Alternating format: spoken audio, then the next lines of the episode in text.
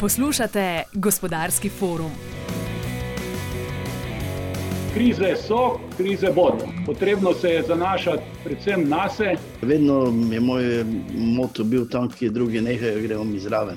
Kakšno sporočilo dajemo slovenkam in slovencem? S tem, ko omejujemo dostopnost do finančnega sistema 350 tisoč ljudem. Moram reči, da sem uh, imel kar veliko intervjujev, ampak na ta način tega vprašanja še pa nisem dobil. Jaz nisem najbolj zadovoljen s tem performancem. Namesto da bi razumeli, da svet globalno tekmuje, mi še vedno ustrajamo na tistem letu 45. Ja, lepo, da imate zgodovinske podatke, spet moram biti zelo, zelo iskren. Povejte nam v petih minutah, zakaj bi mi kupili gorenje. Odlično vprašanje. Ne? Ne, nič ne plačam, je zdaj to že mal prehodot. Država se je pač utaknila v gozdove, da je tam zaparkirala svoje politične kadre. Pošljite otroke v tehnične poklice, vzemite našo štipendijo, pridite k nam delati. Super presenečenje, lepšega uvoda uh, si ne bi mogel zamisliti. To je forum Gospodarske zbornice Slovenije. Naslednjo uro bo naš gost Ivan Cajzek, direktor in lastnik družinskega podjetja GIC Gradnje iz Rogaške Slatine, ki v gradbeni dejavnosti uspešno posluje že več kot 32 let. Obrtno-podjetniška zbornica ga je lani razglasila za obrtnika in podjetnika leta.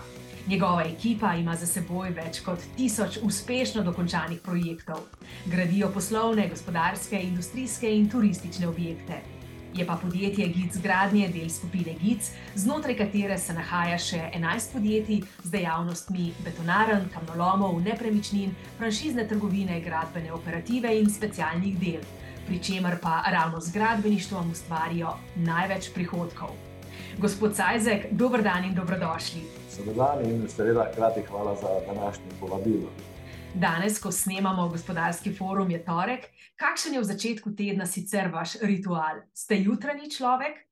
Pa ne preveč jutranji, čeprav hodim redno v službo, eh, praktično odkar vem, da se eh, ob sedmih. Tako da, če je to jutranja ura, potem sem jutranji, oziroma nek, nekje vmes. Uvrščajo vas med 20 najbolj vplivnih ljudi z območja Kozjanskega in obsotelja v zadnjem desetletju. Povejte, vam laskajo to vrstni nazivi ali vam delajo preglavice na davčni upravi? Ne, nimamo težav z davčno upravo. E, naše podjetje posluje v skladu z zakonodajo in nimamo nobenih težav z nobeno, z nobeno kontrolo e, in tudi z davkarji. Ne. Kakšen pa je sicer občutek, ko te razglasijo za deseterico najbolj vplivnih? Sprašujem zato, ker ste v začetku 90-ih vaš posel začeli s katrco in priključkom za mešalec. No, ne vem, če, če te kdo pohvali ali če te opazi, še posebej v poslovnem svetu in še posebej v gradbeništvu, ki nosi en poseben pečat v, v naši državi, kot dejavnost, ki ni najbolj hvaljena, oziroma je večkrat grajena kot hvaljena. Eh, mi seveda to paše eh, in, in seveda to privoščim ne samo eh, naši ekipi in našemu podjetju, ampak tudi naši branži. Slovenci smo tako in tako narejeni, da se premalo krat hvalimo še manj se sami premalo krat pohvalimo, ker smo sicer dobri, ker smo, ker smo prodorni, ker smo podjetni, ker smo uspešni in pohvale bi morali deliti drug drugemu večkrat, pa seveda tudi sami sebi. Omenili ste na nek način nizek družbeni ugled eh, gradbeništva, na nek način tudi z vašo uspešnostjo, z vašim poslovanjem, vi sami dvigujete ugled te panoge, katere se v zadnjem desetletju prepogosto držijo razne zgodbe o tajkunih, pa o divjem nasninjanju, pa o domačijskem dogovarjanju. Ne? Eh, res je, mi si želimo popraviti ugled gradbeništva v, v Sloveniji. Mi imamo celo svoj slogan, da gradimo novo gradbeno kulturo.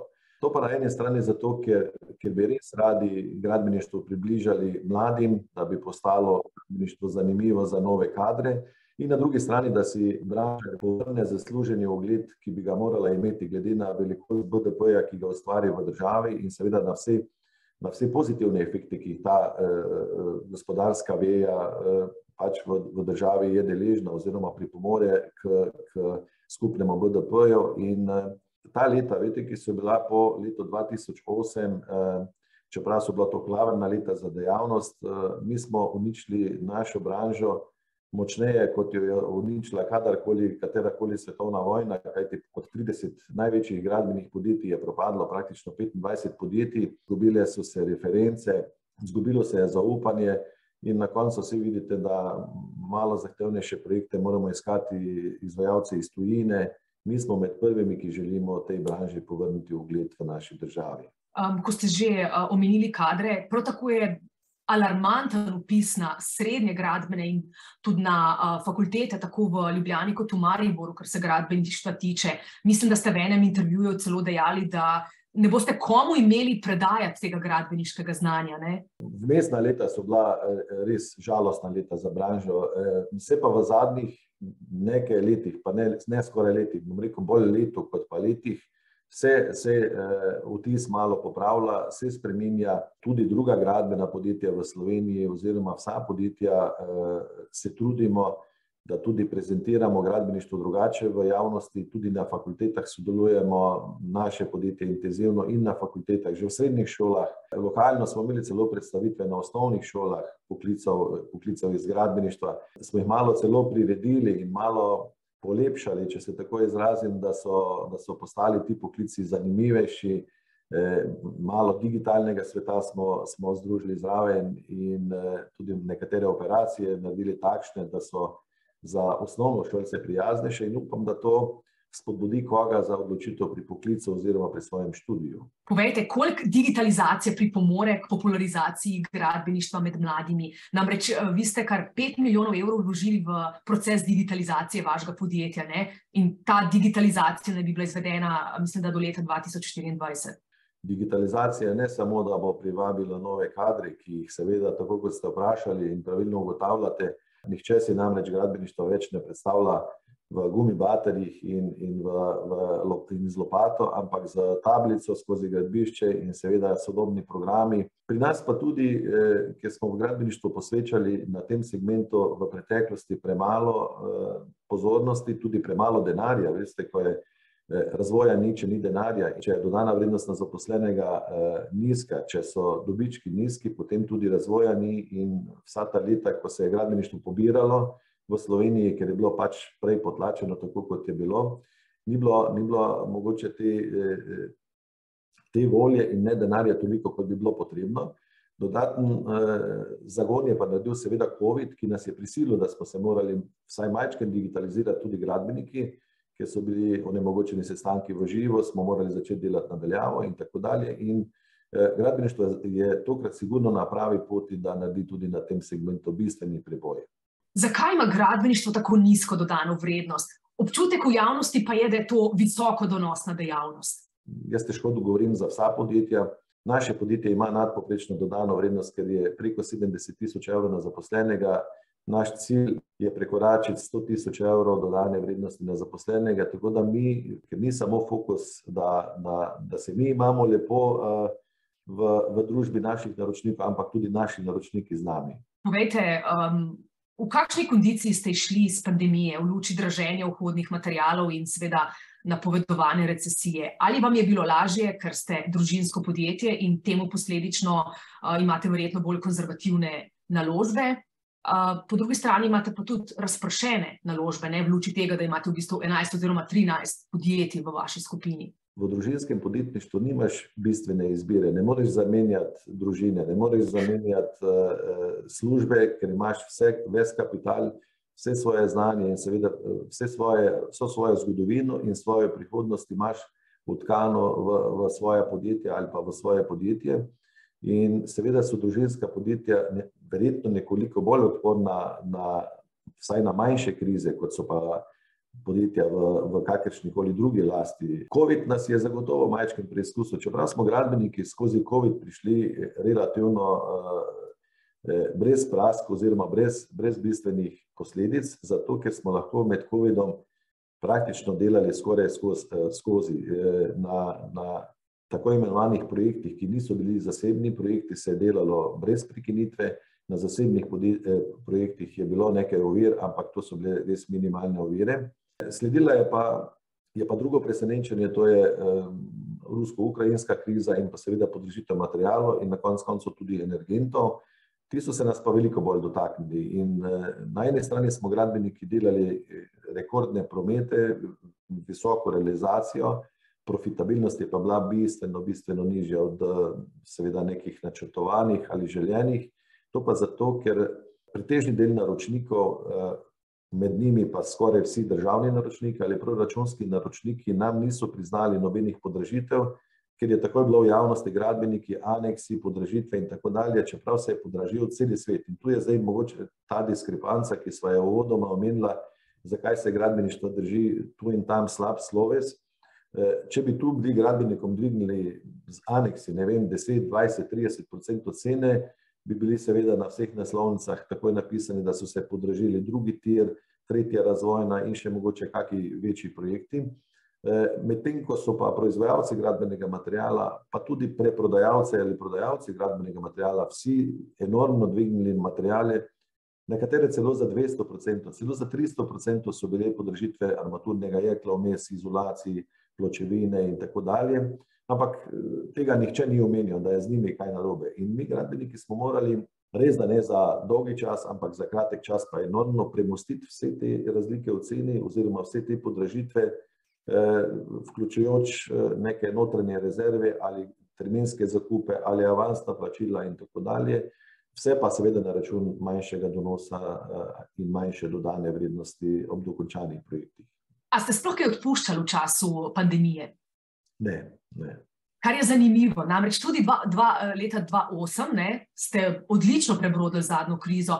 Zakaj v krizah ne zapirate manj dobičkonosnih dejavnosti pri vas? Vidite, mi smo, mi smo drugače navezani na vsako našo naložbo, na vsako, ali je to kapitalska ali kakršnakoli druga naložba. Dober kader razpustiti takrat, ko malo veter ne piha, ker, ker ni vetra v jadrih, je potem se mogoče splača tu malo riskirati in malo založiti, da potem, ko pride do vetra in ko, in ko je nova potreba, da ne iščeš tega, tega novega kadra na trgu, ki je prvič težko najden, drugič je pa zelo veliko minulega dela, ki si ga posvetil tem kadrom, je izgubljenega.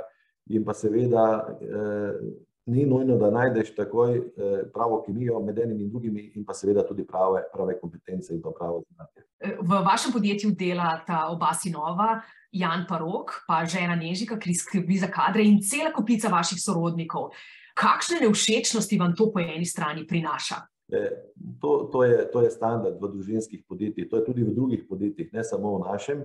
Pa mi, mi želimo biti vseeno profesionalno podjetje, ne glede na to, da, da so neke povezave rodbinske v podjetju, mora podjetje poslovati profesionalno. Mora se vedeti, kdo, kdo je dopoldan vodja katere grupe, kdo je komu predpostavljen, kdo odgovarja za katere zadeve. Če ločiš ta dopoldanski ali poslovni del med zasebnim oziroma privatnim življenjem, je zadeva relativno jasna. Vidite, da daš poslovni jopič na obešalniku, odideš iz službe in oblečeš privatni jopič, to pa rabiš eno kilometrino in ene izkušnje. Zdaj jaz pri sebi govorim, da jih imam dovolj, ker sem že tako dolgo na svetu, da, da sem se jih naučil, je pa, je pa težko. Ampak če so to te, te pasti oziroma mogoče ta bolj sivi del privatnega podjetništva, je pa toliko lepši, ker je pa zaupanje na, na zelo visokem nivoju, ker je ker je tudi pripadnost drugačna, ker je tudi pripravljenost vložiti več sebe v podjetje na takšnem nivoju, da to zagotovo odtehta v pozitivni smeri. Letošnje leto je za vas zelo posebno, kajti posle boste predali sinu Roku. Povejte, koliko se boste še vmešavali v njegove posle, a bo težko sleči ta službeni jopič? Midva bova samo zamenjala, mogoče ta izraz zamenjava največ pove. Če je bil do sedaj on moj svetovalec, bi, bova zamenjala in bom jaz postal njegov svetovalec. Ampak to res v pravem pomenu besede, da svetovanje ni odločanje. Odločati se mora on, odločitve mora on sprejemati, tudi na koncu koncev odgovornost in pa seveda vse, vse nagrade, ki bodo sledile, in vse rezultate. Jaz sem pa tisti, ki bom postal njegov svetovalec. In če bova to znala natančno tako razmejiti, ne vidiva nobenih težav. V reviji Finance so zapisali, da ste vi um, bolj iz prakse, sin pa bolj kabinetski. Kakšno dodano vrednost boste ustvarjala skupaj? Sin je že v podjetju vrsto let, njegove izkušnje, tudi če jih imenujemo kabinetske, so, so bile zares, zares dobrodošle v podjetju. Kajti mladi ljudje so inovativnejši, nimajo predsodkov, ne zanima jih zgodovina, zanima jih bolj bodočnost. Mi smo pa bolj iz izkušenj, mogoče tudi katero stvar lažje ocenimo, ampak ker imamo toliko predsotkov, uh, mogoče katere odločitve ne sprememo tako suvereno, kot jo pa sprememo skupaj z, z mladimi. In v podjetju nisva samo mi dva, ta, uh, ta primer, v podjetju imamo veliko primerov sodelovanja, medgeneracijskega sodelovanja, zato ker je podjetje, v podjetju je veliko ljudi, ki so zaposleni praktično od ustanovitve podjetja dalje oziroma prvih petih let. Vsi se bližamo nekako pokoju, ta starejša generacija, vmes je ena srednja generacija, ki je seveda prihajala. Dan danes pa prihaja popolnoma nova mlada generacija, to so na koncu koncev 30-letniki ali pa 30-letnice, In ko ta miks narediš v podjetju, je to, je to fantastična zmes znanja, ambicij, tudi izkušenj, in na drugi strani tudi prijemov, ki so, ki so pri mladih drugačni kot pa pri starejših. Rok je na Mariborski fakulteti za gradbeništvo doktoriral iz stroškovne optimizacije planov gradbenih projektov. Kakšne spremembe se torej vašemu podjetju obetajo v prihodnje? Tudi prodor na globalne trge, tudi kaj več od Hrvaške, kamor ste vstopili leta 2001? Ja, večkrat se pogovarjamo, do kje bi, do kje bi mi širili eh, naš, dejavnost našega podjetja, ampak zaenkrat ostajamo, ker je gradbeništvo vseeno. Po eni strani je relativno togo, ker je vezano na resurse in na materijale, in če vstopiš na en novi trg, si seveda tam popolnoma sam in odvisen od, od poslovne okolice, kamor prihajaš. Naš razvoj eh, nekako bazira v bodoče na, na drugačni gradni, kot je, kot je bila vem, v, v stari Jugoslaviji, dokler smo bili skupaj in na prehodu, odkar je Slovenija samostojna, se mogoče en delček tega razmišljanja spremenja, ampak ne veliko.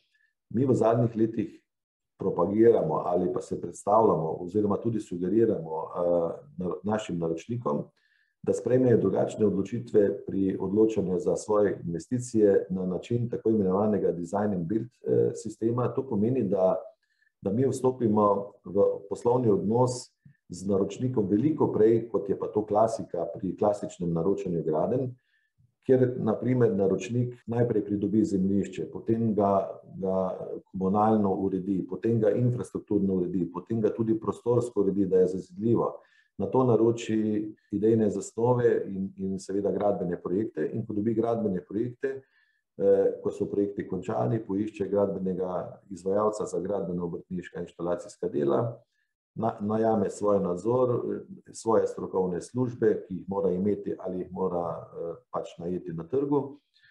In tako na koncu zopet v, za, nek, za neko specifično vlogo uh, in, in specifičnimi deli ta projekt spravi do uporabnega uh, dovoljenja, preden ga začne uporabljati. Mi ponudimo vse to v enem komadu. En komad objekta na zelenem travniku, kjer mi naredimo urbanizem, projektiranje, izvedbo, uporabno dovoljenje, na koncu koncev tudi pri delu opreme lahko sodelujemo in naročnik dobi to, kar je zahteva v projektni nalogi, en kos objekta za en kos denarja v določenem roku v paketu od nas. Zdaj vrnem nazaj k vašemu vprašanju, zakaj mi ne gremo na široko, ampak gremo zmeraj bolj na osko, ker bi radi bili najboljši ali še boljši, je to del tega odgovora. Se pravi, mi imamo tu neskončno tržišča blizu nas, doma v Sloveniji, del Hrvaške, zato ker smo v Rogaški Slatini doma in mi imamo mejo, ne vem, dva kilometra od nas. Če bomo delali projekte tako, kot sem jih omenil, bomo ravno preko, preko tega načina nudenja naših uslug lahko tudi v večji meri vplivali na tako imenovano trajnostno gradnjo, ki danes postaja popularna na gradnjo, ki je prijaznejša do uporabnikov in pa seveda tudi do okolja in pa, in pa hkrati tudi tista, v katero smer gre celotna Evropa. In tu je naša tržna niša, ki si jo želimo čim bolj odpirati in kjer želimo postajati oziroma postati vodilni gradbenik v, v Sloveniji. Povejte, ali se z dostopom cestnega podjetja Ptuju obeta tudi uh, vaša večja specializacija za nizke gradnje? Kako se bo to solastništvo s partnerjem, z drugim partnerjem, ki je večinski lastnik, razvijalo v bodoče, ne vem. Želimo si pa vsekakor vstopiti na nizke gradnje v večjem procentu naših opravljenih del, kot je to bilo v preteklosti. Tudi projektov na nizkih gradnjah, na koncu koncev mi naredimo nekaj. Ne vem, zadnjega, ki smo ga dobili, je 20-milijonska Mariborska južna obvoznica. Na segment nizkih gradenj gremo zagotovo bolj odločno in večjem obsegu, kot je to bilo v preteklosti, ali je to preko naložb kapitalskih v katerakoli podjetja, ali bomo sami razvijali to divizijo, še ne vemo natančno, ampak nizke gradnje so sigurno naš fokus, pa ne zato, da si jih želimo, zato ker moramo, če hočemo obstati na trgu, ker vsi nizkograditelji gradijo tudi visoke gradnje. Danes ni več cestarja, ki ne gradi hotela, ki ne gradi šole, ki ne gradi blokov, tako da če oni delajo vse, pač na žalost moramo tudi mi poseči po tem segmentu nizkih gradnj, če hočemo preživeti in če hočemo konkurirati ostalim podjetjem v Sloveniji. Malo prej ste omenili Hrvaško, trenutno na Hrvaškem izvajate obsežno prenovo Petrolovih servisov, ne, to je velik posel. Zakaj je Hrvaška tako zelo zahtevno tržišče? Nekatere države ne spuščajo tako z odprtimi rokami konkurence v svojo državo, kot smo mi Slovenci. V Sloveniji je najboljše, da ne dela Slovenec, samo da je tujec. To je v povprečnih glavah dobra odločitev, na Hrvaškem je to drugače. Mi smo na Hrvaškem prisotni že dobrih deset let in lahko z velikim zadovoljstvom potrdim, da, da smo naredili ta prvi preboj. Mi tam delamo lep kos realizacije, smo zelo zadovoljni in tudi v tem trenutku delamo lepe projekte. Ravno smo zaključili logistični center v Rijeki za Intereuropo, lep projekt, tudi ta je bil design and build, tako kot sem prej omenil. Ta trenutek pa izvajamo preureditev dveh večjih bencinskih črpalk, ponujamo pa tudi seveda nove projekte in smo pripravljeni na, na nove izzive, ker konkuriramo na javnih razpisih, pa tudi pri privatnih naročnikih na Hrvaškem. Ste pa za letošnje leto praktično razprodani, ne, ste v poslu izgradnje mariborske mestne knjižnice, širili boste nov logistični center na brniškem letališču. Me pa zanima, kako specifičen posel pa je sanacija krške nuklearke? Nuklearka je, je specifična zaradi ekstremno veliko dovoljenj, ki jih moraš imeti, da sploh lahko delaš v nuklearni industriji. Poseben je pa tudi pristop v samo nuklearko. Spomnim se, ko sem šel na prvi sestanek k, v, k predsednikoma, ker sta bila predsednik in podpredsednik, nuklearka je namreč slovensko-hrvaška lastnina. In seveda na sestanek ne smeš zamuditi. Si šel na sestanek, ne vem, dobre pol ure prej, da bom pol ure pred sestankom v pisarni, ampak sem zamudil na, na prvi sestanek, ker je bila, bilo preverjanje daljše od pol ure, kot sem si vzel rezerve. In, in ta primer zelo veliko pove. Preverja se vsak vhod, vsak izhod se preverja, vse mora biti podkrepljeno z dokumentacijo, sledljivostjo in tako dalje. In ko enkrat delaš v nuklearki, ko spoznaš to, to dejavnost tudi od znotraj, lahko tudi mirno spiš, ker je, ker je ta varnost res na pretirano visokem nivoju, ampak verjetno mora tako biti. Res se vse preverja parkrat, ne more, skoraj ne more priti do napake. Zato pa seveda tudi vsak poseg, ki ga naredi zunanji partner v nuklearki, toliko zahtevnejši, toliko dražji in prvi posli, ki smo jih delali v nuklearki, so bili krepko v, z minus pred znakom, ko smo jih zaključevali. Potem se pa nekako malo naučiš in kalkulirati in, in seveda upoštevati vse tisto, kar te čaka na, na, pri takih, pri takih projektih. Jaz si predstavljam, da so vaši delavci ful bolj pod stresom, če morajo v, v krški nuklearki delati ali pa na brniškem letališču ali pa v Luki Koper, ne? Specifični naročniki so, še enega imamo NATO, ne, tam je še eno preverjanje, ne, dodatno in, in seveda tudi drugačen režim. A morate tam podpisati kakšno klavzulo o molčečnosti? Ja, seveda, ja. Vsak od naročnikov ima, ima specialne zahteve. Ne vem, mi delamo v Mariboru zdaj širitev že, vem, že deset let približno smo v Henklu v Mariboru in ravno zdaj delamo eno razširitev ene tovarne njihove znotraj Ringa. Tam je tudi poseben režim. Ne. Henkel ima poseben režim, eh, napisan na 50 straneh protokola, ki ga moraš spoštovati. Eh, ne vem, Lek ima svojega, Krka ima svojega in eh, nam, nam to sicer odgovarja, ker zahtevnejši so naročniki, eh, bolj specifične so zahteve, tam nekako pride bolj do izraza eh, podjetje, ki, ki seveda zna spoštovati te, te regule, če se tako izrazim. Ja. Povejte, kaj bo večji zalogaj? Gradnja pokritega um, parkirišča v Luki Koper, ki se razteza na 12 hektarjih površine, ali gradnja potniškega uh, terminala na Brniškem letališču?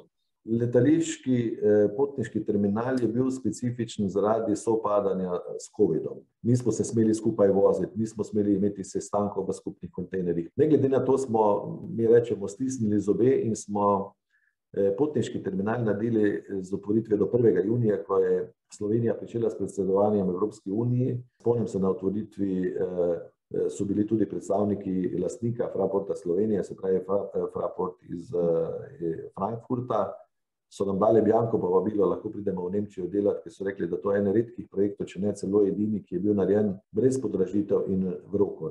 Tako da smo bili zelo zadovoljni, da smo ta projekt zaključili in kar se budžeta tiče v, v zastavljenih okvirih, in pa seveda smo ga tudi odprli tako, kot smo si ga želeli oziroma tako, kot je bil predviden plan.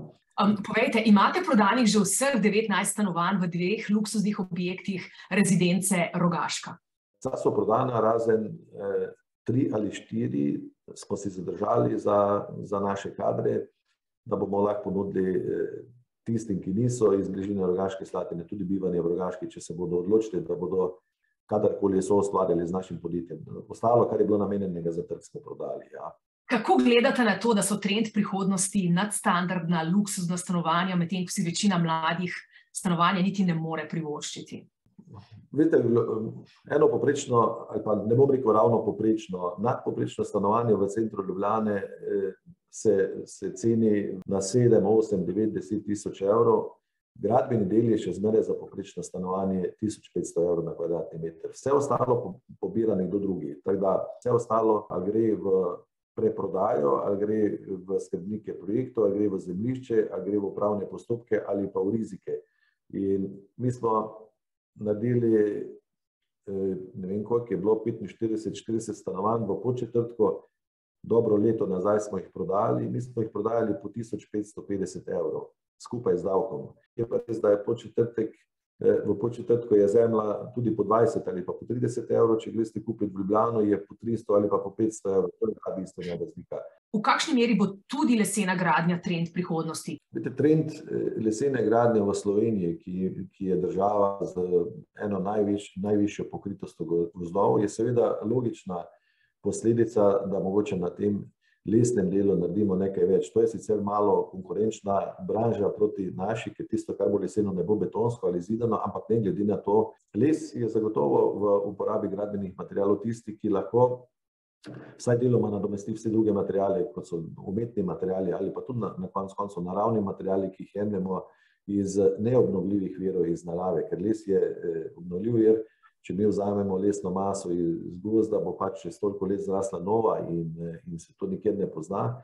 Tako da vrtec, ki ga delamo v Semnici ob Dravi skupaj z našim partnerjem, je zagotovo ena prelomnica tudi glede tega, da bo to ena prvih gradenj v Sloveniji, kjer imamo kompletno kontrolo in sledljivost lesa in smo se nekako zavezali vsi skupaj, da bo ta les res slovenski, da ne bo najprej v Sloveniji in šel v Avstrijo, pa predelan nazaj, da, ampak bo res v Sloveniji odvzet in v Sloveniji sledljivo pripeljan na gradbišče oziroma v predelavo in nazaj na gradbišče in, in bo potem služil svojemu namenu.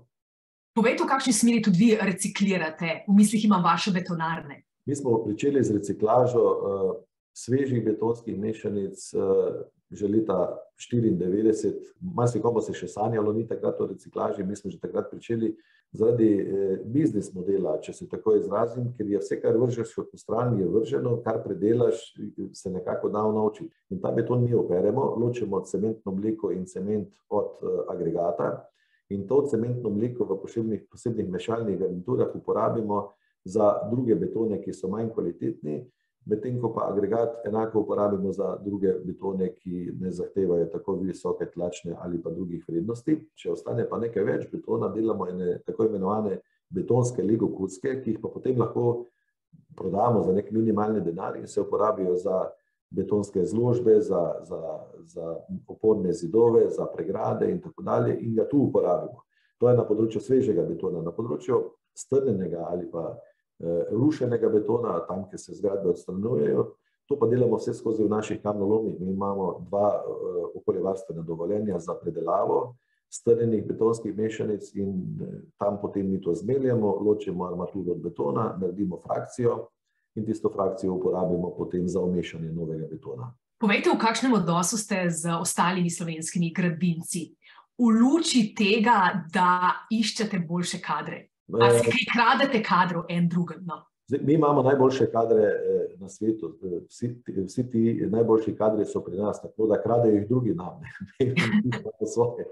Glede, Kakšna je vaša fluktuacija delovne sile, mimo grede? Pa ne prevelika, se lahko kar pohvalim, da ne prevelika. Je pa res, da hudo je, če ti dober kader odide. Vidite, samo ena stvar je še hujša. Veste, katera, če ti slabo stane. In uh, ker imamo dober kader, seveda nam koga spipajo, ne moreš pomagati. E, ni pa tega pretirano veliko in seveda se trudimo z vsemi štirimi, kot izrazimo, da, da te fluktuacije ni veliko. Zidari, tesari, železokrivci, uh, izkušeni kadri na gradbišču, kaj vse najbolj vroče iščete v tem trenutku? To vam bodo dali vsi gradbeniki v Sloveniji, vam bodo dali popolnoma enak odgovor in to je samo en, to je delo vodja. To je med vodjo projekta in med temi, ki ste jih našteli, ker tega profila v Sloveniji ni več, nimamo več izobraževanja tega segmenta. Vsak si to po svoje, po svoje izobražuje in si profilira ta kader. Tisti, ki so še v Sloveniji med dobrimi delovodji, so stari vsi nad 50 let, zagotovo je najbolj iskan profil gradbeni delovodja. A jih vi sami vzgajate? Kakšen kader dobite iz srednjih šol in fakultet? Uh, vzamemo kakega gradbenega tehnika, ki se ni odločil za nadaljevanje študija in njega sprofiliramo, celo tudi kakega inženirja prve stopnje zanimiramo, da to postane. Damo tudi bolj všečni naziv, uh, ne damo gradbeni delovodja, ampak se mu malo drugače reče. In, uh, Da se malo bolj seksi sliši. Ne? Ja, in, in tu nekako krpamo, ne, kot se da. Veste, izobrazba je, je zelo pomembna, ampak eh, veliko drugih kompetenc je, je še pred izobrazbo ali ob izobrazbi zelo, zelo pomembnih, da se človek sprofilira in da postane v, v podjetju pomemben, pomemben kader. In eh, mi, mi tu dajemo zelo veliko poudarka na senčenju delovnih mest. Eh, mi marsikoga zaposlimo, eh, ki praktično prihodkovno nič ne prinaša po mesec, dva, tri, štiri, pol leta ali pa celo eno leto za zahtevnejše delovno mesto, ampak se samo privaja oči in je praktično, mi, mi rečemo, senčenje, zato ker, ker hodi kot senca ob tistem, ki ga uvaja in ko ga sprofiliraš, je potem ne glede na to, kar je on prinesel s seboj v podjetje, dobi v podjetju ta znanja, da lahko potem zastopa samostojno delovno mesto z vso odgovornostjo tam, tam kamor ga postavimo nad kadrovskim modelkom bdi vaša žena, ampak ali tudi vi naknadno preverite vsakega zaposlenega, ki pride v vaše podjetje? Kadrovski oddelek je pri nas samo servis eh, ostalim oddelkom. Na vsakem oddelku skrbijo sami za svoje kadre, sami si jih izbirajo, sami jih, jih tudi potem profilirajo in izobražujejo. Eh, kadrovski oddelek je samo servis, ker naša dejavnost je tako razvejana, eno, da imamo toliko podjetij, eno, drugo pa tudi, da je, da je prepleteno v našem podjetju ekstremno veliko različnih dejavnosti, tako kot na koncu koncev v vsakem podjetju.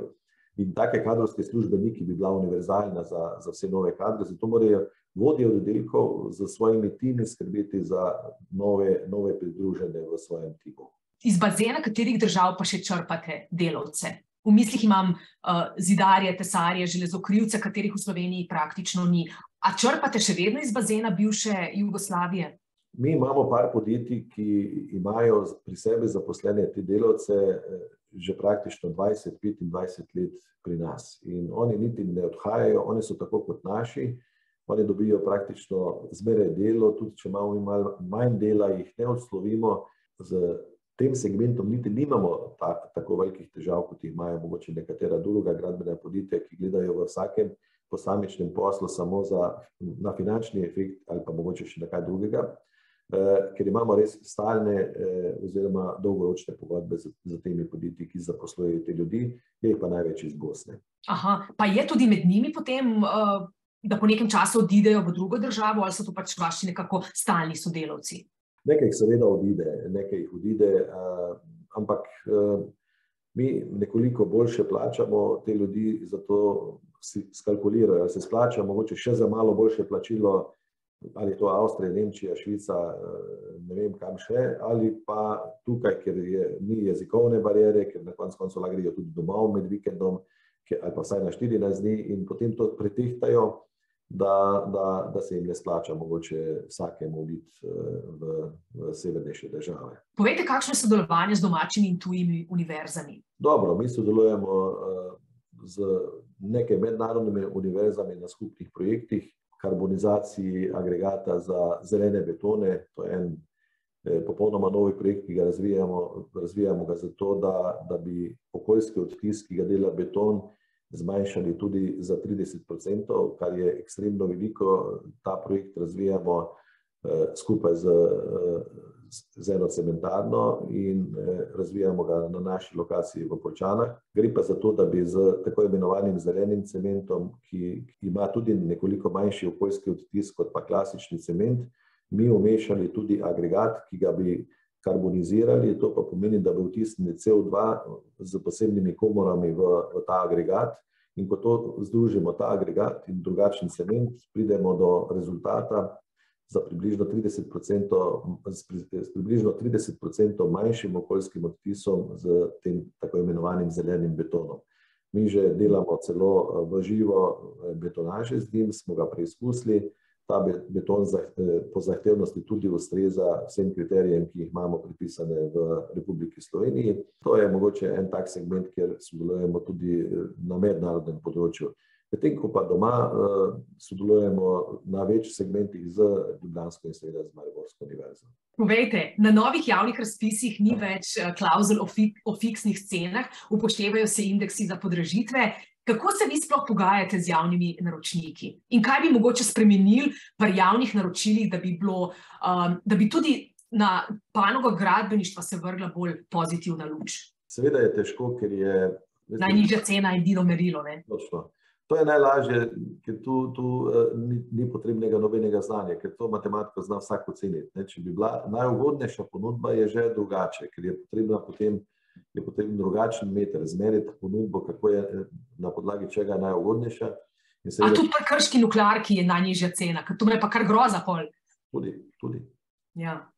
Saj na koncu, veste, najnižja cena ni nič slabega, saj tisti, ki to pač sprejme, tisti izvajalec, mora, mora sprejeti tudi vse pogoje, saj mogoče dobimo mi občutek, da potem kvaliteta pade, marsikoga slišiš, potem pa uporabi slabše materiale, potem pa slabše naredi, to ni res.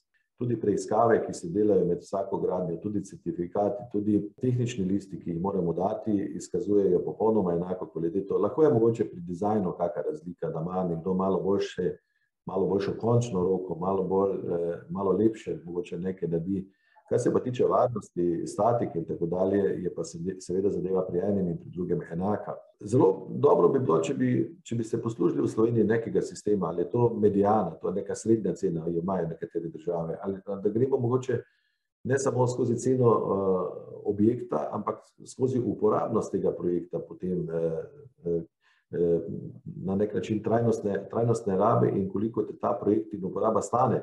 Variant je zelo veliko, ampak volje pa po moje zelo malo, to pa iz več razlogov. Eno je, kar pravim, da ni znanja, drugo pa je, da vse razpršeno v Sloveniji dela, Slovenija je zelo mala, če jo gledamo po obsegu, naročnikov v Sloveniji je pa neskončno, veste, vsak, vsak zavod je svoj naročnik, vsaka občina svoj naročnik, vsako ministrstvo je svoj naročnik, znotraj enega in istega ministrstva je več različnih naročnikov, ki so vsak samostojni.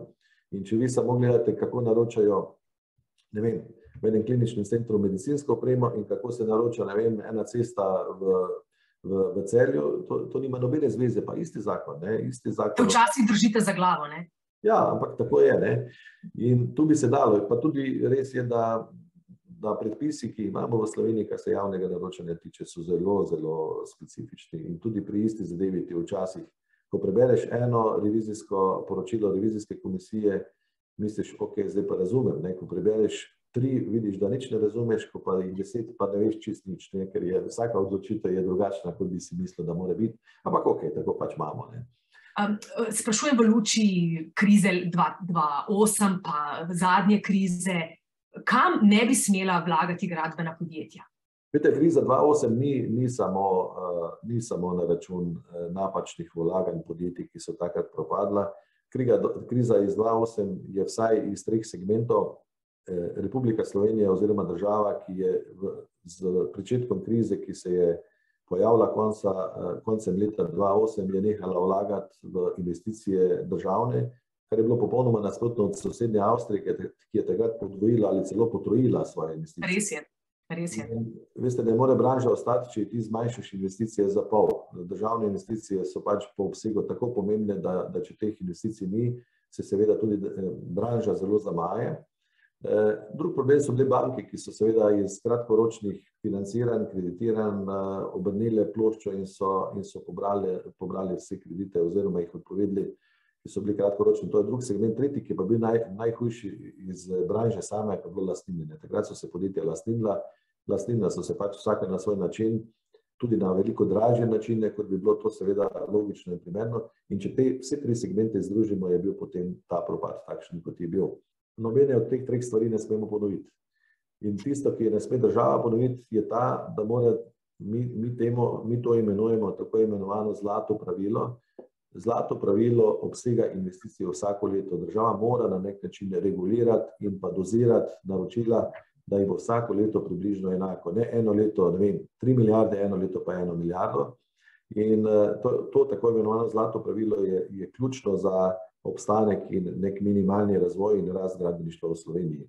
Kam pa ne smemo investirati, pa sigurno ne smemo zdaj, ko so stanovanja tako draga, vsi v Ljubljani parcel kupiti, pa vsi stanovanja delati. In če bomo to vsi naredili, bomo dodatno pripomogli k temu, da bodo jutri, da bo ta, ta segment verjetno počakal, če ne jutri, pa pojutrišnjem in potem so pa, so pa zgodbe takšne, kot so. Če to delajo s svojim denarjem, je malo lažje, če z najetim denarjem je malo težje. Kakšna pa bi bila lahko videti naslednja kriza v gradbeništvu, glede na razmere v Evropi? vsi čutimo, da se gradbeništvo tudi majčkeno ohlaja. To se čuti pri naročilih. Zdaj v Sloveniji še toliko bolj, ker tudi sedanja struktura, ki vodi Slovenijo, ni tako naklonjena uh, investiranju v beton, kot se oni izrazijo, oni investirajo drugam. Malo je pa tudi ta globalna, globalna kriza, ki se kaže v Evropi zaradi energentov in zaradi še mogoče česa prisotna tudi že v Sloveniji. Tako da naročila so, so malo v, v umiranju. A menite, da se v Evropi že dogovarjajo pod mizo, kdo bo gradil v Ukrajini, kdo bo obnavljal Ukrajino? To so se pogovarjali pred začetkom ukrajinske krize in med njo in seveda se bodo. Ne. Zagotovo je, je to tudi en segment, ki bo, ki bo v gospodarstvu zelo uh, veliko pripomogel, tako ali drugače. In tiste države, ki bodo tu malo bližje, bodo seveda lahko potegnili iz tega tudi neko povojno dobičkarstvo, ali kako ga imenujemo. Ne. Ja. Um, povejte še to vprašanje iz uh, vabila. Kaj je bil namen prijave razvojno-raziskovalne dejavnosti pri javni agenciji za raziskovalne dejavnosti Republike Slovenije, ki sicer ni običajna praksa uh, za podjetje v panogi? Ja, veste, podjetje na dolgi rok uh, ne more obstati samo s posnemanjem, ampak mora mora se povezovati z raziskovalnimi inštitucijami, pa tudi samo mora nenehno vlagati tako v razvoj, kot pa tudi v raziskave. In zato smo se mi prijavili v ARRS in smo, ne vem, če smo še edino gradbeno podjetje na, na začetku, ko smo se prijavili, smo bili sigurno edino gradbeno podjetje, ki smo, ki smo vključeni v, v, s to agencijo skupaj. Tam v prvem delu smo malo govorili ravno o digitalizaciji in pa seveda o vseh drugačnih, sodobnejših prijemih, tudi v naši zelo, zelo togi in staromodni dejavnosti. In nas, gradbeniki, čaka zelo, zelo veliko sprememb tako v glavah, eh, ko razmišljamo o gradbeništvu, in seveda tudi na terenu in pa v praksi. Um, še nekaj mi je bilo zanimivo iz uh, začetka vaše kariere. Srednjo gradbeno ste obiskovali prva leta v Rogacu, na to v celju, in zelo bliskovito se je uspenjala vaša karijera. Leta 1984, po končani srednji šoli, ste se zaposlili pri tedanjem podjetju GoCop v projektivnem biroju, Na to ste postali vodja gradbišč in na to so vas zelo kmalo, kot zelo mladega, imenovali za vodjo gradbenega sektorja na Celskem. S čim ste se tako zelo izkazali, da so vam, ne glede na mladost, zaupali tako odgovorne vodilne funkcije? Zgleda, da so takrat razmišljali enako, kot, kot razmišljam sam danes, da, da na mladih svet stoji in mladi moraš zaupati, ker mladi so neizčrpana energija, ogromno enih idej, je tudi veliko pripravljenosti za delo. Verjetno sem se pokazal, da, da sem pripravljen delati, tudi verjetno so rezultati bili takšni. In to je nek vodstveni tim, ki je takrat pač odločal, sprejel za, za dobro potezo.